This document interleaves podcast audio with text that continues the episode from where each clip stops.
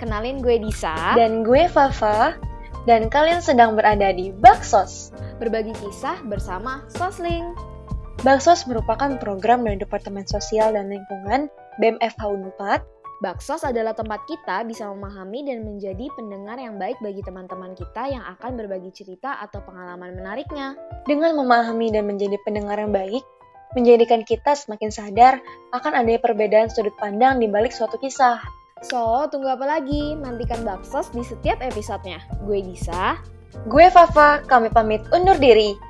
Salam pengabdian. Dian.